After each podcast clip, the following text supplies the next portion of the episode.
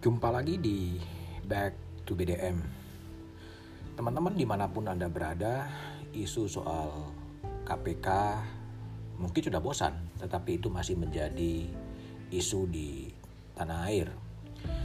Hari ini tajuk rencana Kompas menulis soal kasus Wakil Ketua KPK Lili Pintauli Sirigar Kompas menulis putusan Dewan Pengawas Komisi Pemberantasan Korupsi yang menjatuhkan vonis ringan terhadap Wakil Ketua KPK Lili Pintauli Sirigar mengoyak rasa keadilan.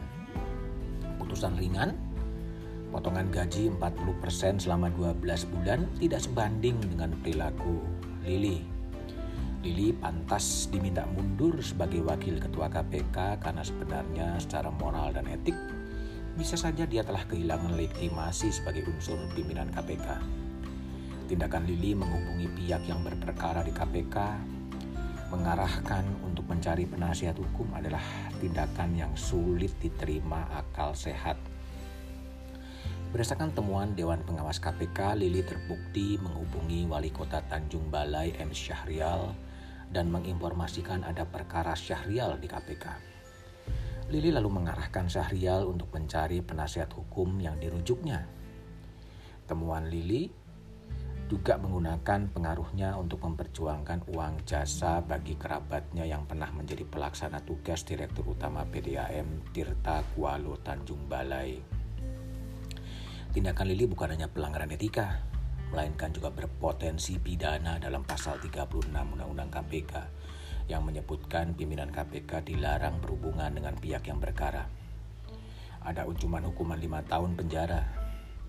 Perkara itu patut diduga ada unsur pidananya. Terhadap pelanggaran berat itu, Lili dijatuhi hukuman potong gaji 40% selama setahun. Gaji pokok wakil ketua KPK adalah 4,6 juta. Artinya penghasilan Lili setahun hanya berkurang 22,8 juta selama setahun ia masih menerima penghasilan sekitar 89 juta per bulan. Hukumannya sangat ringan. Bonus ringan itu tentunya akan menjadi beban berat bagi KPK. Sebelumnya, Ketua KPK Firly Bahuri juga dihukum ringan oleh Dewan Pengawas KPK karena menggunakan helikopter saat pulang kampung halaman. Dengan dua unsur pimpinan KPK yang sudah dibuktikan melanggar etik, kredibilitas lembaga hasil reformasi ini berpotensi runtuh di mata publik lama ditambah dengan kenyataan pegawai KPK yang telah berjuang memberantas korupsi dan bertaruh nyawa ketika membongkar korupsi akan diberhentikan oleh pimpinan KPK dengan alasan tidak memenuhi syarat menjadi aparatur sipil negara. Mereka difonis tidak lolos tes wawasan kebangsaan dalam sebuah proses yang menurut Komisi Nasional Hak Asasi Manusia melanggar HAM. Publik dengan sederhana menyimpulkan pegawai KPK yang telah berjibaku memberantas korupsi diberhentikan sementara pimpinan KPK yang membocorkan informasi penyelidikan penyidikan kasus korupsi yang dikerjakan anak buahnya hanya dipotong gaji. Terasa sangat tidak adil.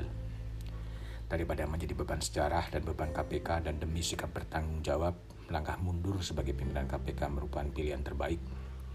Beban KPK memberantas korupsi akan sangat berat jika pimpinannya terbukti kotor di mata publik Ibaratnya jika ingin membersihkan lantai, jangan gunakan sapu kotor. Jumpa lagi di Back to BDM berikutnya.